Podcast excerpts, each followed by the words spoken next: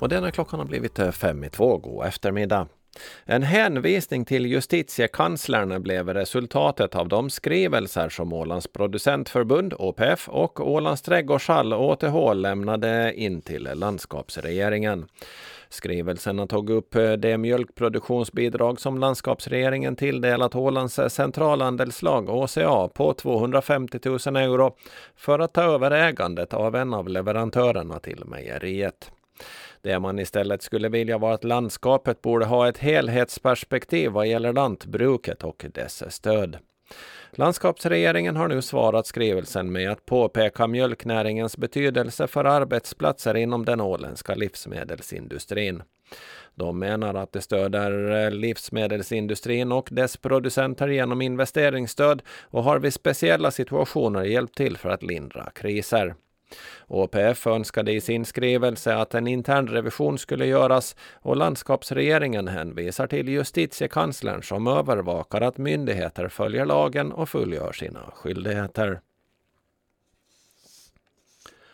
Två bilar frontalkrockade på Nya Godbyvägen mellan ÅCA-korsningen och Svebykorsningen på måndagsmorgonen. Det var en person i vardera bil och bägge fördes till sjukhus med ambulans. De var vakna och talbara, säger Christer Koskinen vid räddningsområde Ålands landskommuner. Bägge bilarna totalförstördes i krocken. Vägen var avstängd eh, då det läckte ut mycket drivmedel och olja på vägen som behövde saneras, eh, sa Krista Koskinen vid 10.20-tiden. Koskinen vill inte spekulera i orsaken till olyckan utan lämnar det till polisens utredning, men säger att det är mycket halt på vägarna för tillfället. Jomala FBK, ambulans och akutbil ryckte ut till olycksplatsen.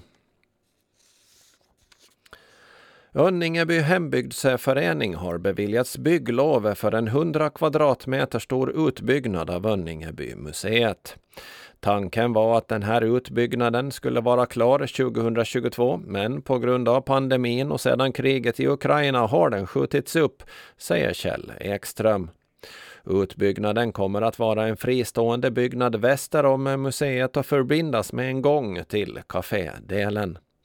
Vi kan bygga den nya utställningshallen färdig och förbinda den med resten av museet utan att det påverkar besökarna, säger Ekström.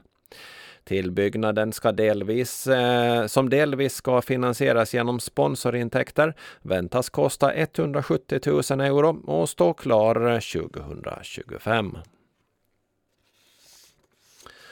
Sport och löpning. Emil Söderlund kom på total 12 plats i 24 timmars ultralöpning i Esbo som eh, arrangerades i helgen.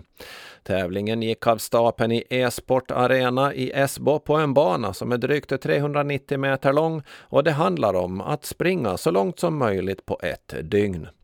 Emil Söderlund sprang 481 varv, vilket betyder 187,6 kilometer. Vann gjorde Elvis Mennix från Lettland med 627 varv, alltså 244,5 kilometer. I klassen M45 kom Emil Söderlund på andra plats efter slovaken Attilo Biro som klarade av att springa 228,6 kilometer. Totalt var det 91 löpare som stod på startlinjen klockan 12.00 på lördagen och gick alltså i mål ett dygn senare. Skidor. Isak Holmström vann Bredmosseloppet som skidades i kvävlax i lördags. Loppet var cirka 12 kilometer långt och Holmströms segertid var 33.39.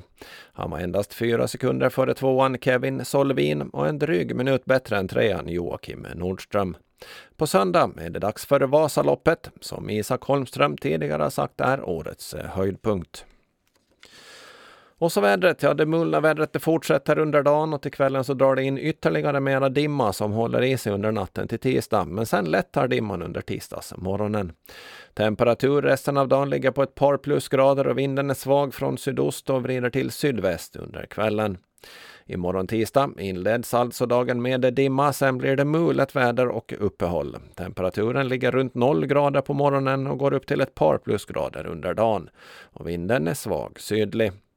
Sjövädret så är det vindar av varierande riktning 2 till 6 meter per sekund. Lokalt är det även dis eller dimma samt regn till sjöss. Det här var Ålandsnytt i studion Ove Sjöblom och nu blir det nyheter från Sveriges Radio.